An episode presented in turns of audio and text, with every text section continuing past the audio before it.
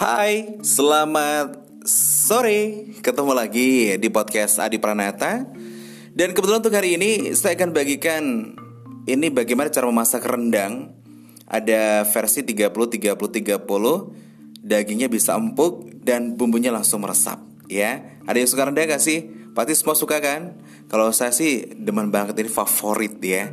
Jadi rendang itu menjadi salah satu kuliner yang banyak digemari oleh masyarakat Indonesia yang terbuat dari daging sapi. Jadi sajian rendang ini memang sering disuguhkan ketika hari raya Idul Fitri. Kuliner dari Minangkabau ini adalah diolah menggunakan teknik khusus sehingga rempahnya meresap dan daging teksturnya tuh buh empuk banget ya. Dan kali ini ya, saya akan mengajak kalian untuk membuat rendang menggunakan teknik memasak 30 30 30. Ini tekniknya seperti apa sih kok 30 30 30?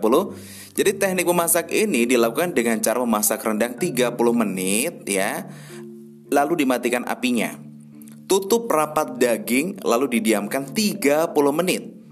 Lalu masak kembali selama 30 menit sampai bumbunya itu mengering.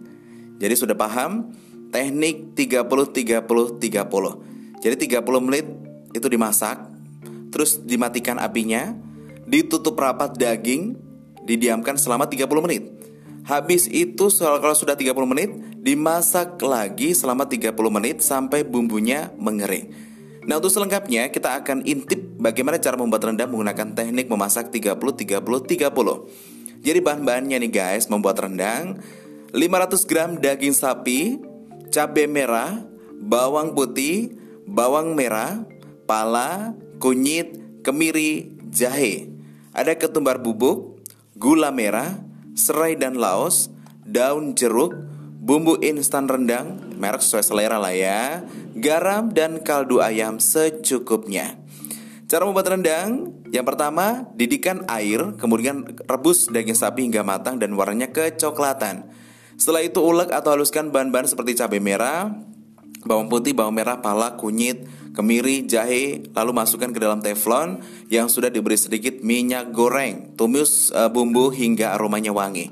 Kemudian masukkan bumbu rendang instan, tumis dan aduk hingga adonan bumbu halus tadi tercampur. Setelah itu masukkan serai, beberapa daun jeruk dan juga laos ke dalam adonan. Diaduk kembali hingga aromanya terasa, ya. Lalu langkah selanjutnya Anda bisa taburkan ketumbar bubuk ke dalam bumbu halus yang dimasak, diaduk hingga matang merata. Tunggu sampai bumbunya sedikit mengering. Habis itu, masukkan daging ke dalam teflon, diaduk lagi. Masukkan 600 ml air hingga seluruh daging sapi terendam.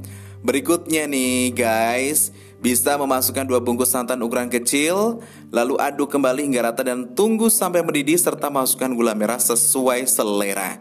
Rebus kembali rendang selama 30 menit sambil sesekali diaduk kuah perlahan-lahan sampai airnya sedikit menyurut. Tutup rapat teflon dengan rendang di dalamnya. Kita matikan api dan diamkan selama kurang lebih 30 menit. Terus rebus rendang untuk kedua kalinya agar tekstur daging menjadi lebih empuk ya.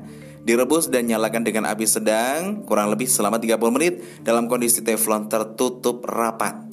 Diaduk lagi ya. Habis itu tutup kembali rendang dan diamkan selama 5 menit. Setelah itu tuang kadu uh, kaldu ayam bubuk serta garam sesuai selera. Diaduk rata ya, di, di, diaduk rata, kemudian ditutup lagi. Terus matikan api, tutup kembali teflon dan tunggu rendang sampai dingin, kemudian pindahkan ke atas piring.